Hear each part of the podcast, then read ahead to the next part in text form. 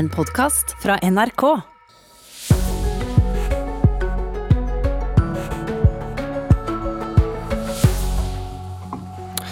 Hvis du kunne få gjennomslag for noe du virkelig brenner for, nei til oljeboring, strengere innvandringspolitikk, det som er din store hjertesak, hadde du vært villig til å fire på et demokratisk prinsipp eller to? Bare litt, fordi man må knuse noen egg osv. Vi vet ikke nok om hvor trofaste nordmenn virkelig er mot demokratiske verdier, sier en som vil inn i hodet ditt for å måle. Men først skal vi snakke om jakten på vaksiner. Velkommen til Politisk kvarter. 106 000 av Norges befolkning på 5,3 millioner har nå fått vaksine. Skammelig lite, sier du? I Afrika, der det bor 1,3 milliarder mennesker, der har 55 personer fått vaksine. God morgen, KrF-leder Kjell Ingolf Ropstad. God morgen.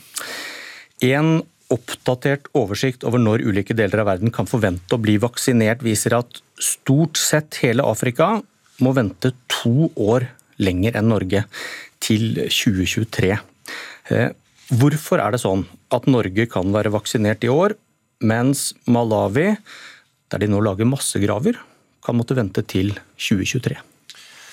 Det er jo noe som er litt tilfeldig, og så er det noe med at vi bare er rikere.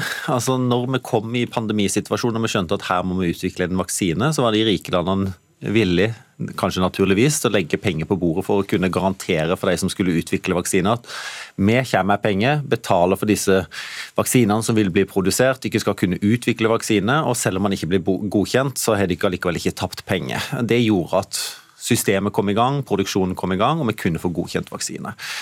Men parallelt med det så var jo Norge veldig opptatt av at eh, vi må jo sikre en rettferdig fordeling, sånn at Malawi òg kan få tilgang til vaksine, fordi de ikke har økonomi til å kunne gå inn på samme måte.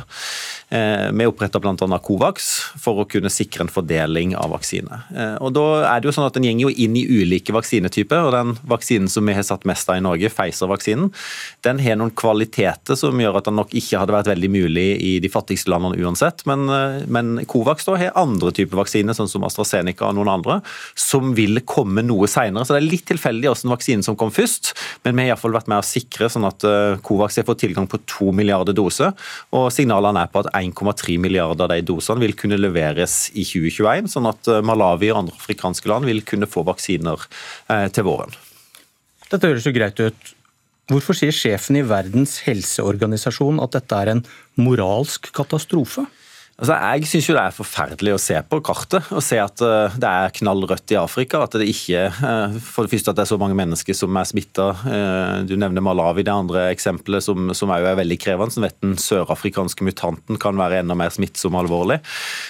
Så, så, jeg deler jo det synet på at det, det er veldig, veldig krevende situasjon. Men jeg er veldig usikker på hva vi kunne gjort annerledes på det tidspunktet for å kunne sikre at det hadde kommet flere vaksiner. og Derfor er vi opptatt av at da, er du uenig, da? Det er ingen moralsk katastrofe fordi vi kunne ikke gjort noe bedre? Nei, altså Det han er veldig tydelig på, WHO-sjefen, Verdens helseorganisasjon, det er jo at han ser et kappløp der det er land som går inn og til bilaterale avtaler med eh, disse selskapene. Og Frykten er jo at den går utenfor Covax, går utenfor de ulike innkjøpssamarbeidene. og på den måten Som Norge gjør? Nei, vi er med i EU, eh, den, den, avtalen der. Men det han er redd for, er jo at det er enkeltland eller det, som går inn avtaler med selskapene og på den måten presser opp prisen og til vaksinene ut ifra f.eks. Covax, som kan gi det til, til verdens fattigste. Og Der er jeg helt enig. Eh, I helgen så sa du Nå har vi ikke lyd, eh, serveren vår har fått eh, covid-19. Men da, du sa i en tale i helgen at vi må bruke anledningene vi har til å utgjøre en forskjell om dette. Du nevnte Covax, som er det internasjonale samarbeidet som skal kjøpe inn og fordele vaksiner rettferdig i verden. Men rike land som Norge og EU som du var inne på, vi kjøper vaksiner utenfor Covax. Hvorfor det? Det handler jo om både at Covax måtte komme på beina, og det jo om å nettopp Hadde ikke Norge og EU gjort det vi gjorde, så er det ikke sikkert vaksinene hadde kommet så langt. Fordi at eh, en ga en sikkerhet for de som utvikla vaksiner, til at de både kunne kjøre på med utviklinga, men også produksjonen. Eh, så vi kjørte en dobbel løp med både gjennom EU, og uten det så hadde vi ikke hatt vaksiner nå, eh, og, og da Covax. Men spørsmålet er hva man gjør med de vaksinene man får. da. Greit at dere er med på å finansiere dette her. Hvorfor kunne ikke Norge sagt at vi vil ha vaksiner fordelt gjennom Covax. Vi lar Covax bestemme hvor vår andel av vaksinene skal fordeles.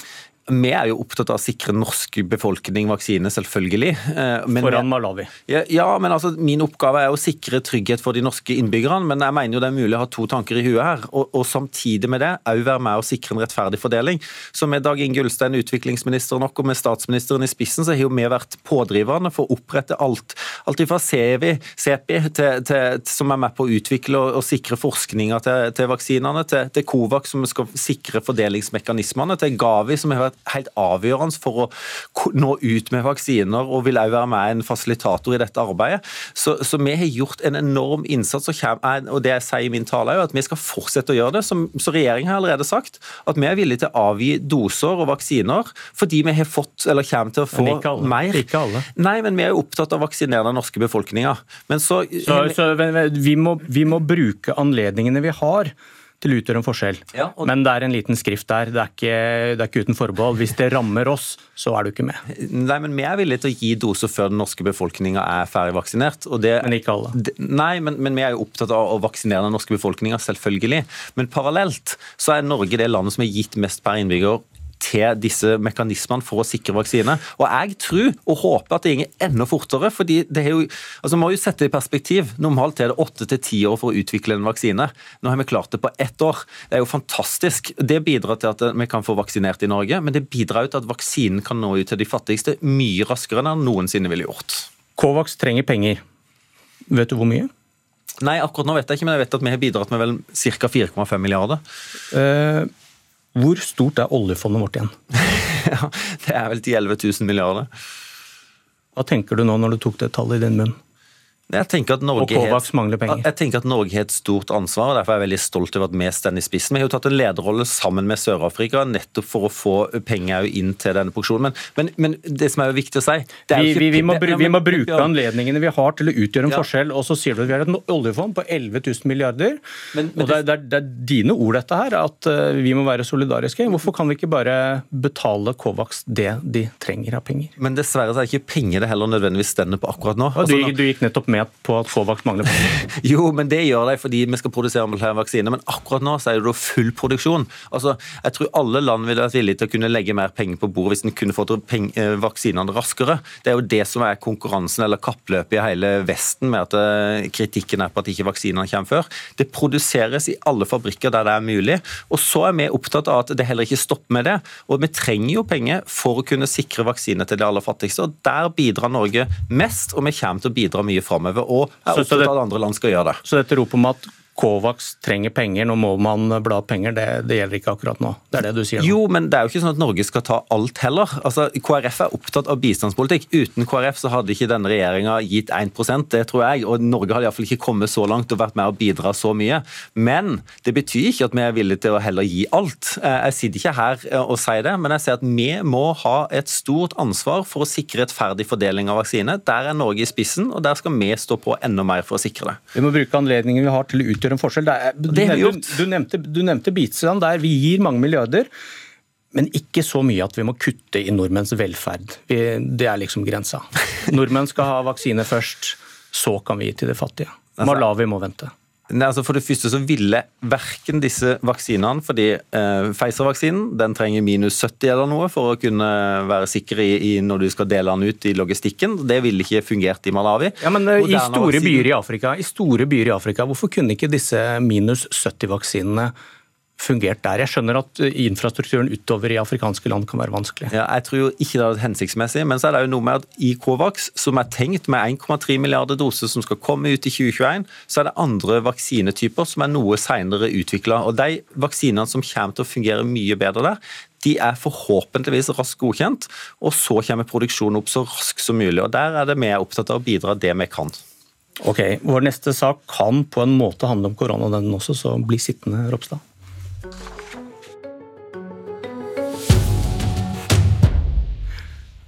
velkommen Siri Anne Dalum, førsteamanuensis i statsvitenskap ved Universitetet i Oslo og seniorforsker ved PRIO. Takk for det. Eh, du jobber med noe som heter When will citizens defend democracy?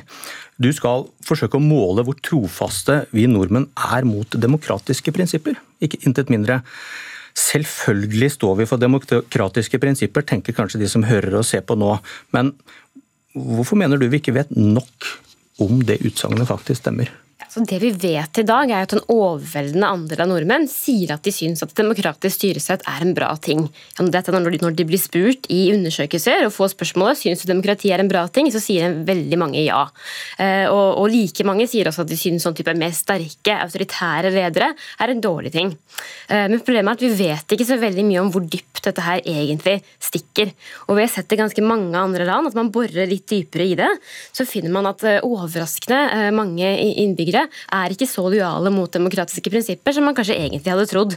Eh, og, En grunn til dette her er jo at eh, når man får, blir spurt om dette i en undersøkelse, så er det ikke så mye som står på spill. Det koster ikke så veldig mye å si at demokrati er en bra ting. Mens i virkeligheten så er det ofte sånn at demokrati kan komme i konflikt med andre saker som man er veldig opptatt av. Og de fleste velgere har jo ofte én eller kanskje flere hjertesaker. Det kan f.eks. være knyttet til kanskje innvandring eller klimapolitikk eller andre ting man brenner for. Og spørsmålet er jo da hva gjør man hvis det f.eks. kommer et politisk parti eller en kandidat som er villig til å fire litt på demokratiske prinsipper, men for å sikre 100% oppslutning om denne hjertesaken? Er man da villig til å akseptere at det fires litt på, på demokratiske prinsipper? Ja, og Hvordan skal du prøve å måle dette? Hva slags nye spørsmål kan dere stille for å finne ut hvor dypt denne forpliktelsen til demokrati stikker? Ja, så ikke sant? I stedet for å bare stille eh, innbyggere spørsmål om hva de syns om demokrati, så kan vi f.eks. presentere de eh, for en rekke fiktive politiske kandidater. Så Det kan være hypotetiske kandidater i et stortingsvalg eksempel, eller i et lokalvalg. Eh, så F.eks. kan velgere få, presentert for kandidaten, la oss si hvit mann, 40, representant for SV, har et brennende engasjement for klimapolitikk f.eks.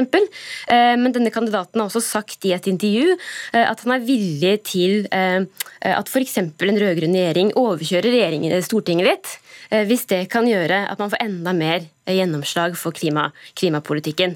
Og Det vi er interessert i da, er jo om velgerne eh, vil være villige til å, å, straffe denne kandidaten, eller trekke sin støtte fra denne kandidaten og si at han er mindre villig til å stemme på kandidaten eh, dersom denne kandidaten kommer med sånne udemokratiske utsagn, selv om man egentlig er mest enig med denne kandidaten akkurat hva gjelder sak, eh, akkurat hva gjelder den politikken eh, man brenner for.